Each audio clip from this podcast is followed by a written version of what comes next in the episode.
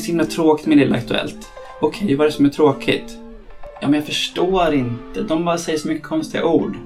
Kanske de säger. Så om man liksom gräver vidare och försöker ta reda på information från eleven så kommer det ganska ofta saker. Och det är ju ganska enkelt. Det behöver man ju inte ha expertkunskap för att kunna eh, ta reda på. Utan bara ett genuint intresse och att man utgår från en förväntan som man har. Vad tänker ni om det? Jag, jag tycker också att det är en, det är en klok tanke därför det, det glöms ofta bort. Den där samtalet med eleven runt omkring hur den upplever situationen. Du lyssnar på elevhälsopodden som sprider elevhälsa till alla i klassrummet, i lärarrummet, på skolgården och i korridoren.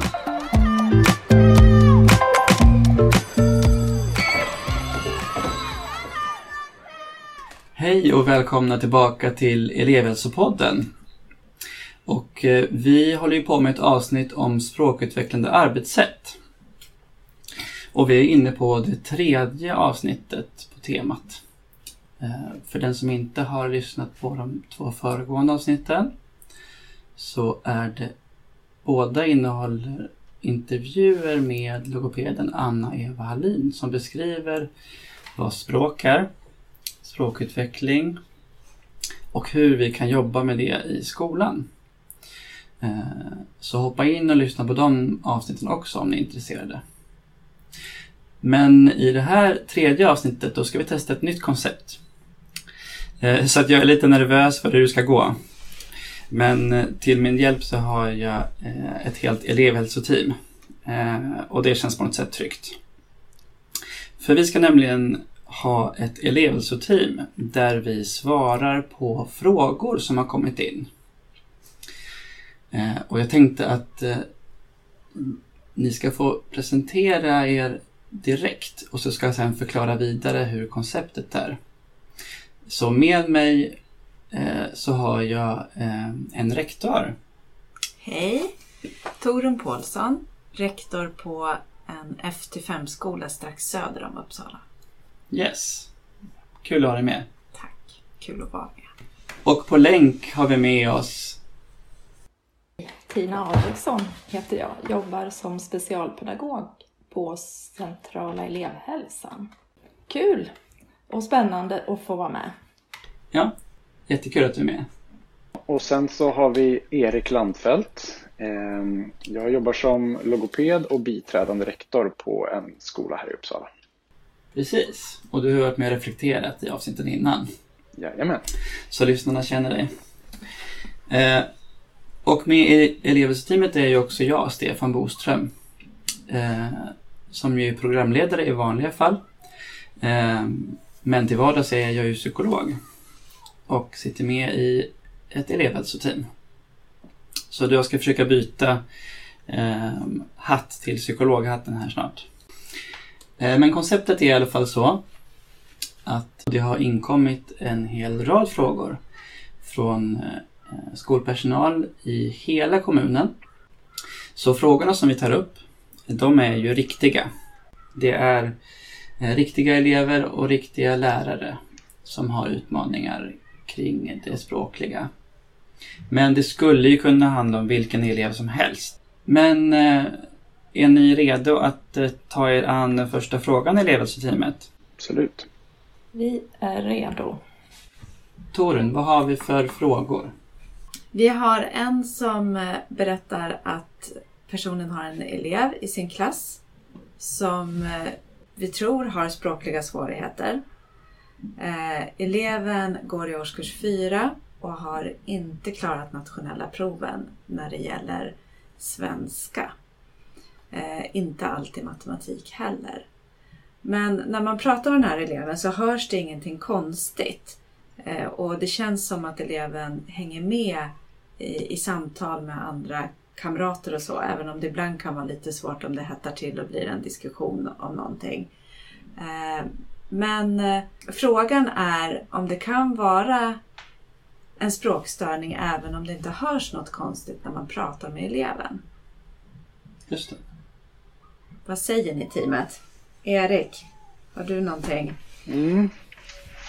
Alltså, jag tänker att absolut att det kan röra sig om språkstörning. Det är svårt att veta på den här knapphändiga informationen. Men jag tänker att det finns ju, som vi har hört i de tidigare avsnitten, ni som har lyssnat med, när Anna och Eva har pratat, så, så brukar man ju prata om att språket har olika delar. Det finns ju dels ett uttrycks, en uttrycksdel, det expressiva, och sen så finns en förståelsedel, det impressiva.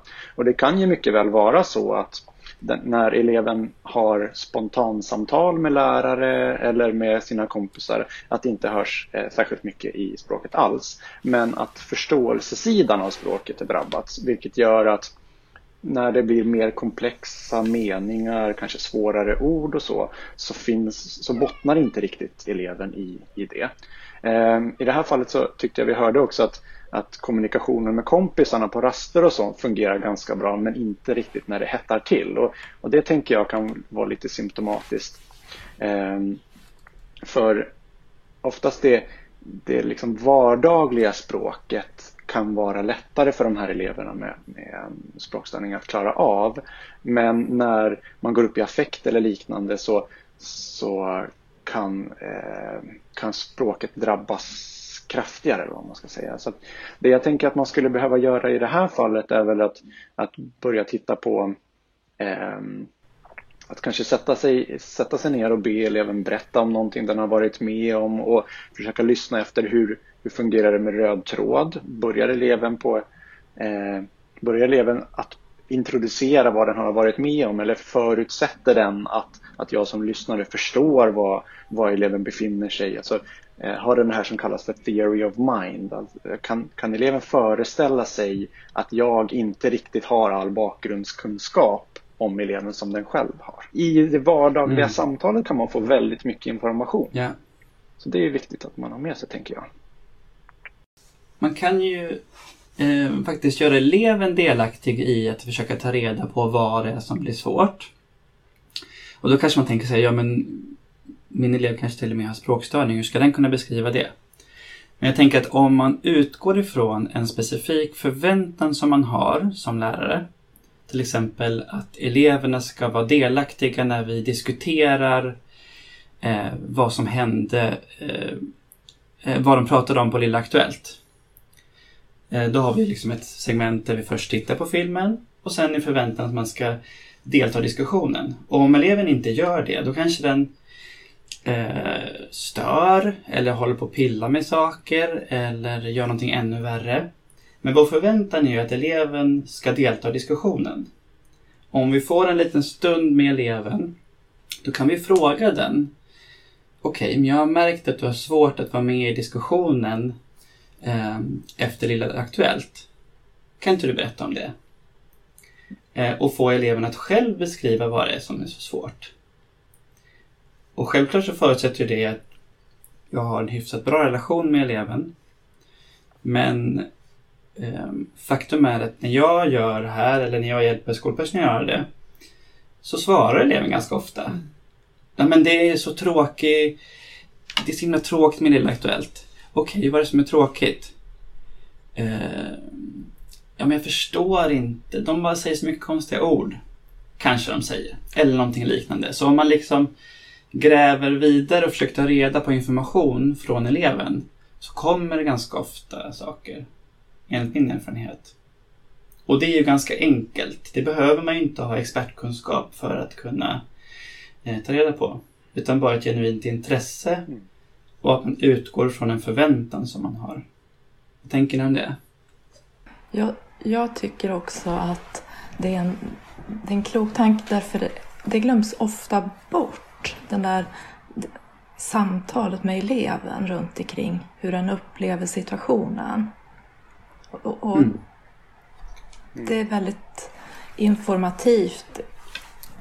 Jag skulle rekommendera att om du sätter dig för att ha ett sånt här samtal med eleven där du vill eh, Eh, få fram vad eleven tycker om eh, en viss situation i klassrummet så använd gärna någon typ av bildstöd. Det kan vara något så enkelt som att du bara har ett, ett A4-papper fram, mellan dig och eleven där du gör som en sån här vasskala eh, och sen så eh, presenterar du e-, ett moment i taget. Eh, när vi lyssnar på Lilla Aktuellt, tycker du, vad, hur tycker du att det är att lyssna då? Är det, Eh, jättelätt eller jättesvårt och sen får eleven placera ut, eh, sätta ett kryss på den skalan. Och, och, så att man kan använda sig av en gemensam liksom, bas i samtalet.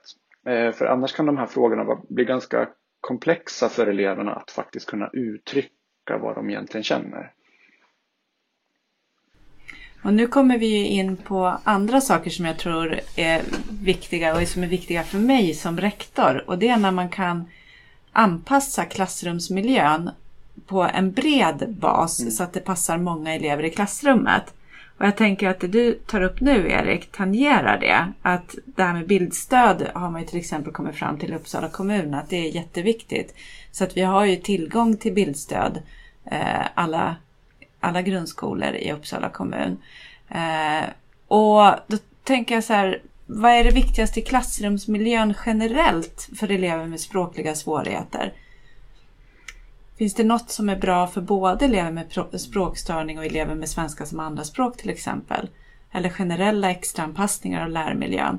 Så att man som lärare inte behöver hålla koll på så många olika saker, individuella mm. anpassningar, utan istället kan ha för hela gruppen och att det gagnar hela gruppen. Eh, jag tänker att man kan se på det där utifrån flera olika nivåer. Om man börjar med utifrån eh, rektorsperspektivet, för jag tänker att det som jag ska säga nu blir lite svårare för lärare att påverka till exempel. Men det är just att man ser över möbleringen i, eller möblemanget snarare i klassrummet. Vad, vad, har, vad köper man in för stolar och bänkar? Eh, står man som rektor inför att, göra, att få köpa in eh, nya möbler, att se till då att, att eh, köpa bänkar då, om det är bänkar man ska ha med ljuddämpande eh, det, material. Eh, så att det inte slamrar när man lägger ner pennor eller liknande. För just att, att göra anpassningar som kan förbättra ljudmiljön gynnar ju verkligen alla elever i klassrummet och inte minst då de eleverna med, med språkstörning eller ADHD eller andra typer av liksom koncentrationssvårigheter. Så där, där skulle jag vilja skicka ut den till, till rektorer. Så. Det är, som sagt blir svårare för lärarna men om jag fortsätter lite med vad, vad, man som lärare kan göra i klassrummet så är det väl egentligen att se till att det finns en tydlighet och en struktur i klassrummet. Man tänker över hur, hur har vi möblerat? Hur ser det ut på väggarna? Eh, jag är en förespråkare för att minska det, det visuella bullret. Att man försöker att ha så, så lite ovidkommande saker som möjligt framåt i blickriktningen för eleverna. Utan det som ska, det eleverna ska titta på det är liksom framåt om man nu har en whiteboardtavla eller om man har en smartboard eller vad man nu har för någonting. Att där är det som ska vara intressant för lektionen. Det ska vara framåt. Eh, till exempel ska man ha bildschema eh, över dagen eller sånt så, så, tycker jag att det kan vara en bra sak att ha det på en av sidoväggarna istället. Eh, så att det inte tar fokus från lektionsinnehållet. Och det ger också information till dig som lärare då att har du schemat på en sidovägg så blir det väldigt tydligt när elevernas blick går ditåt istället. Eh, och mm. är det så att man vill ha bilder eller liksom, saker man har jobbat med i aktuella temat så, så tycker jag att man i så fall kan sätta upp det längst bak i klassrummet. För det finns ju en, en viktig aspekt med att eleverna ska få visa upp sina alster. Det finns ju en jätteviktig pedagogisk poäng i det. Men det får inte bli att det tar fokus från lektionen. Sen tänker jag också Erik på att för att förstärka det vad läraren kan göra i klassrummet att använda sig av stödstrukturer, att dela upp uppgifter eh, i olika moment. Det hjälper både elever med en språklig svårighet och elever med andra NPF-svårigheter.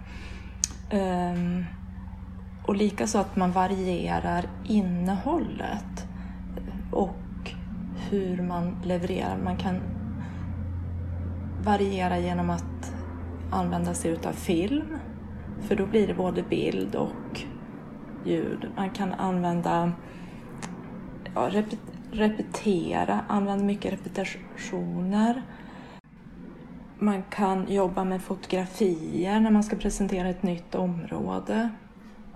Eh, tankekartor för att göra begrepp och göra det tydligt. Och man kan göra tankekartan tillsammans med eleverna såklart. Mm.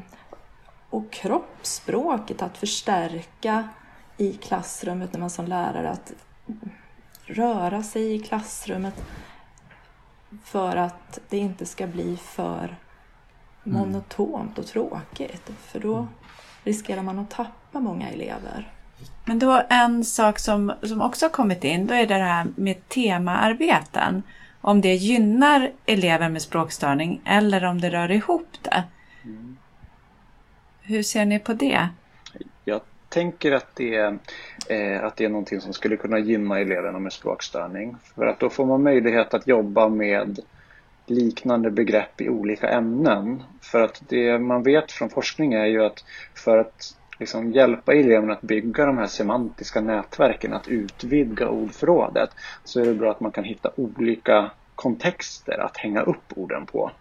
Så, så det tänker jag är väldigt positivt. Och en sak som jag skulle vilja skicka med till alla lyssnare där, det är att om man ska introducera till exempel ett, ett arbete om eh, byggnader i, i Uppsala. Om, om det finns möjlighet så gå ut och gör studiebesök innan ni börjar med själva forskningen.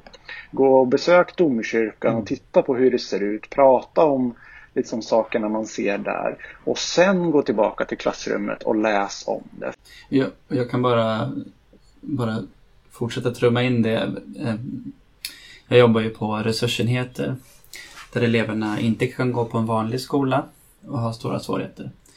Eh, och ibland kan man tänka sig, nej men eh, om eleverna har stora svårigheter även när de är hos oss och inte klarar en stor klass, då kanske de inte kan, kan vara ute liksom på stan.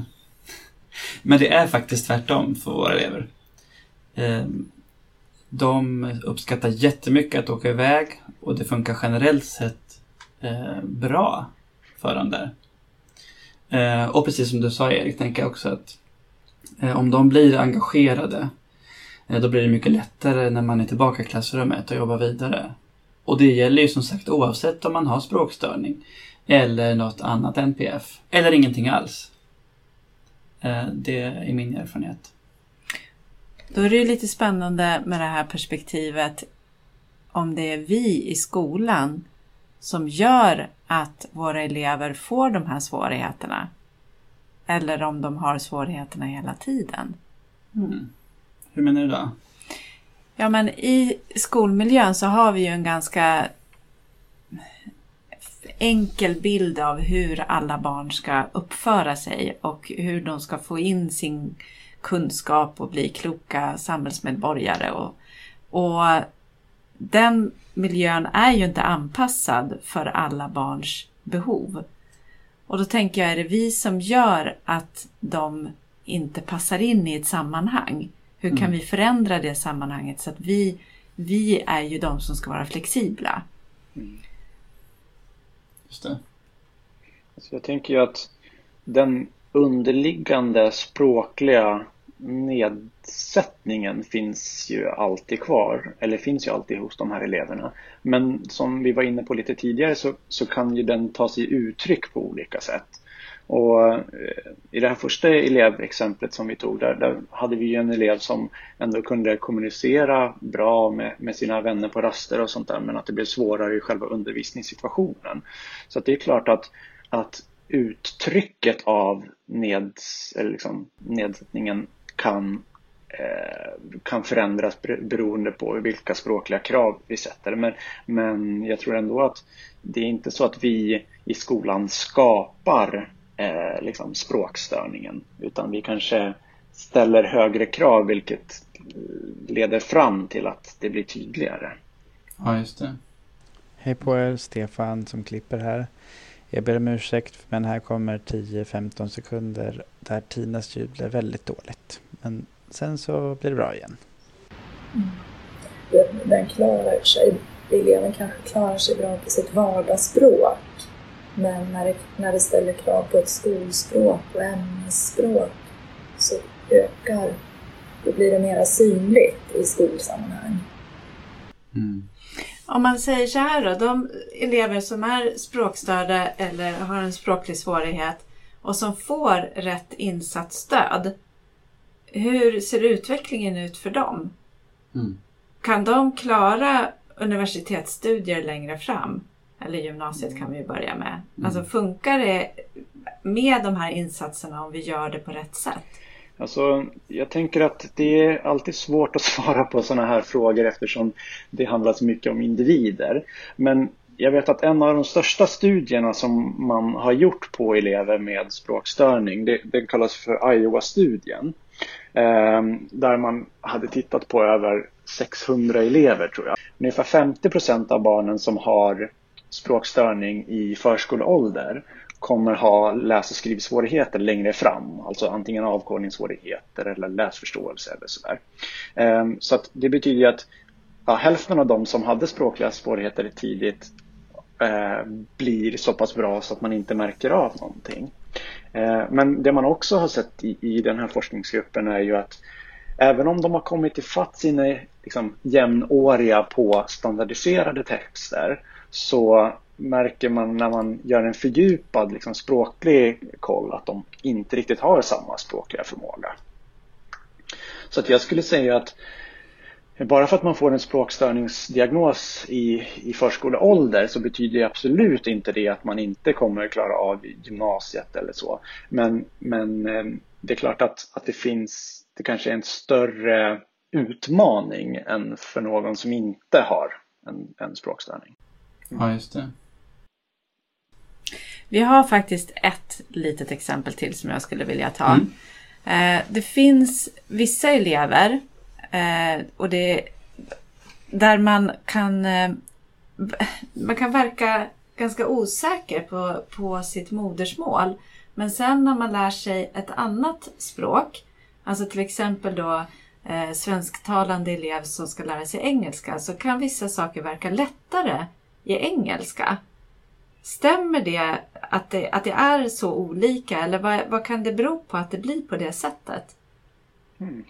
Ja, vilken bra fråga. Alltså, jag, rent spontant så tänker jag att det kanske hänger samman väldigt mycket med intresse. Vi har varit inne på det lite tidigare, att försöka hitta, för, för att man ska kunna hjälpa eleverna att, att utveckla sitt språk så bra som det går så behöver man liksom samtala med dem och se, lära känna dem och se vad är de intresserade av, vad är det de gillar. Och jag vet att många av, eh, många av elever som jag har träffat med, med språkliga svårigheter och sådär stämmer in lite på det du säger där Torun. Att, eh, det, jag tänker att det kan hänga ihop med att eh, spel, spelvärlden är ju väldigt mycket engelskspråkig. Det är väldigt mycket online-spel där man kommunicerar på engelska och, och så mycket av YouTube-klipp och, och, liknande som de tittar på och är intresserade av innehåller engelska. Så att det kan finnas en sån intressefaktor som gör att, att det kanske upplevs som lättare på engelska till viss del.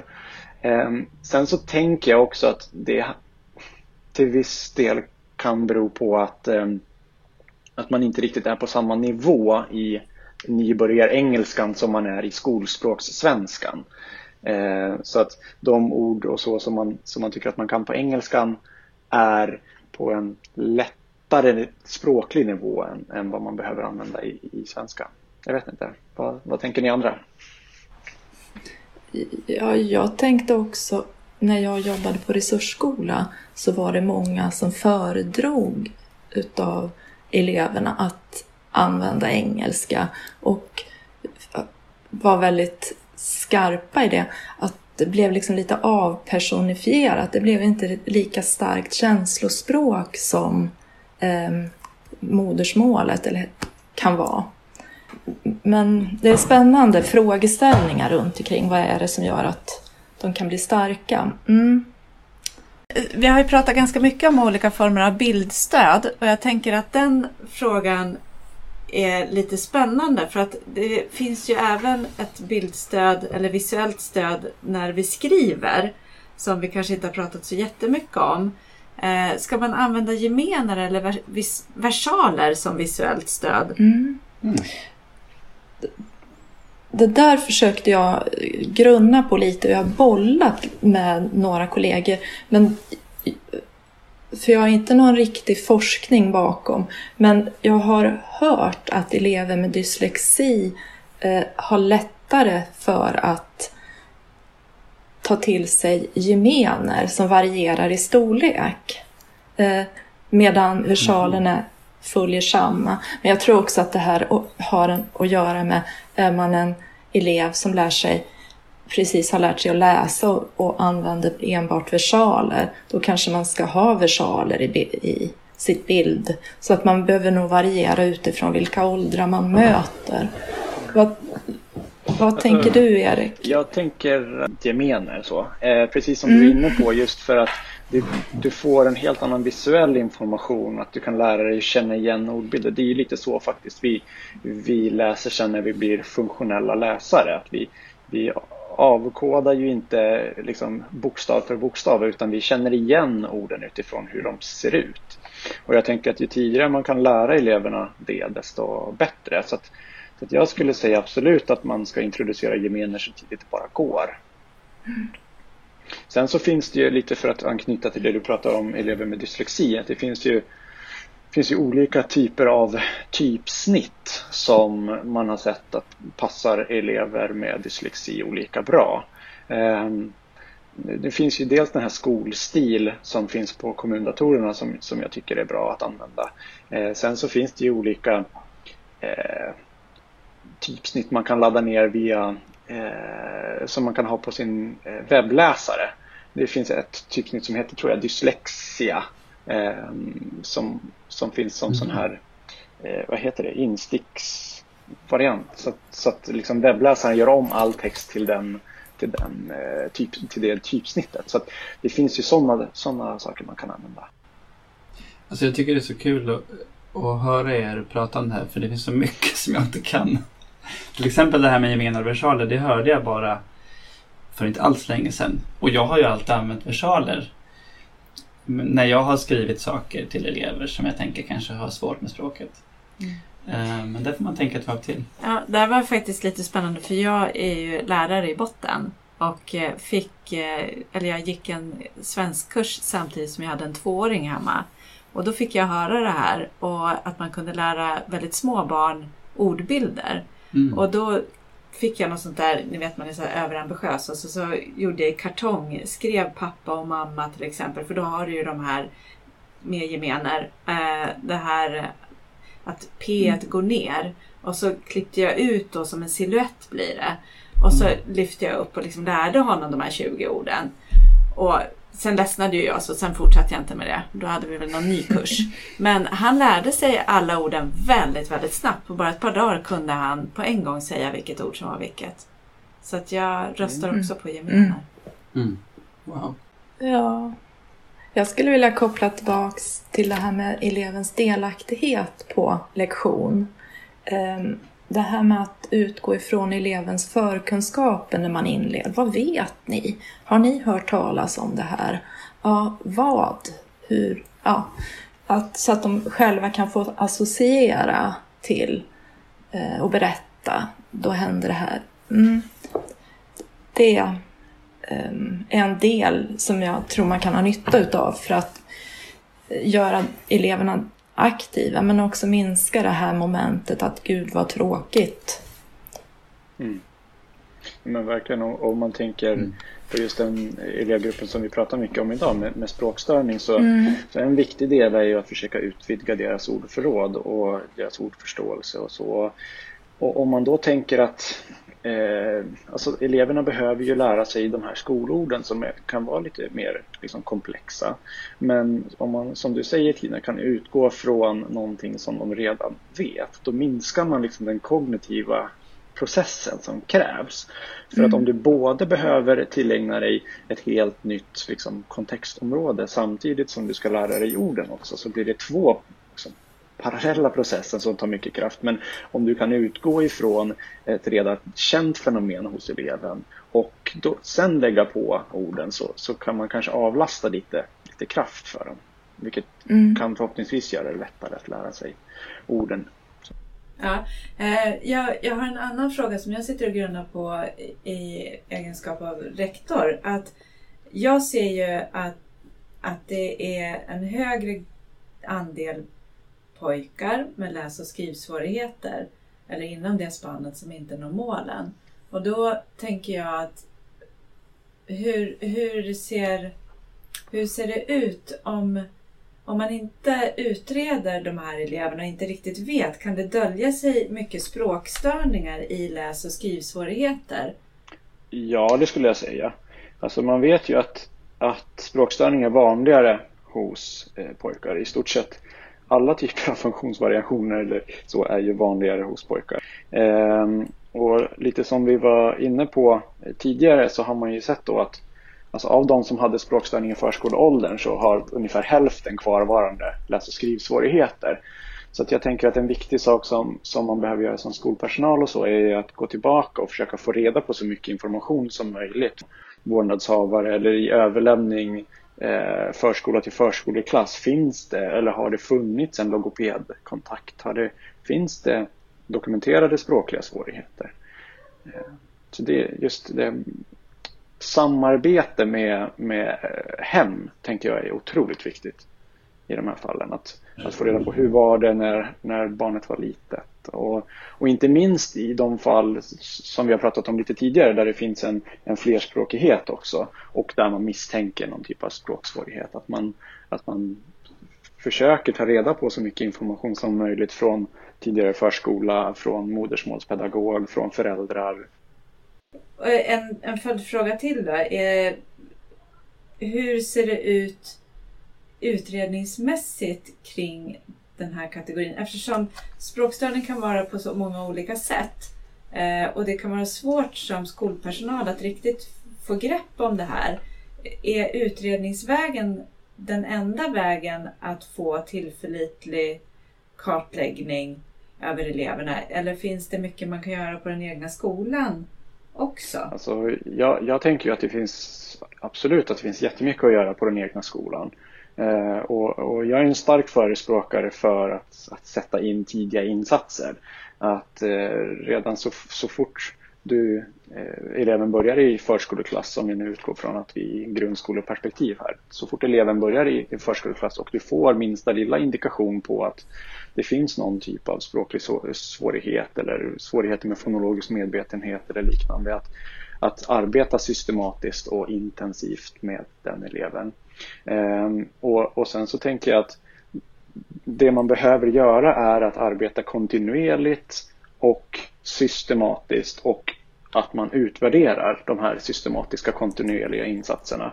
Och, och gör du det under de fyra, fem första skolåren. Vänta inte med att göra insatser för att, i väntan på en utredning.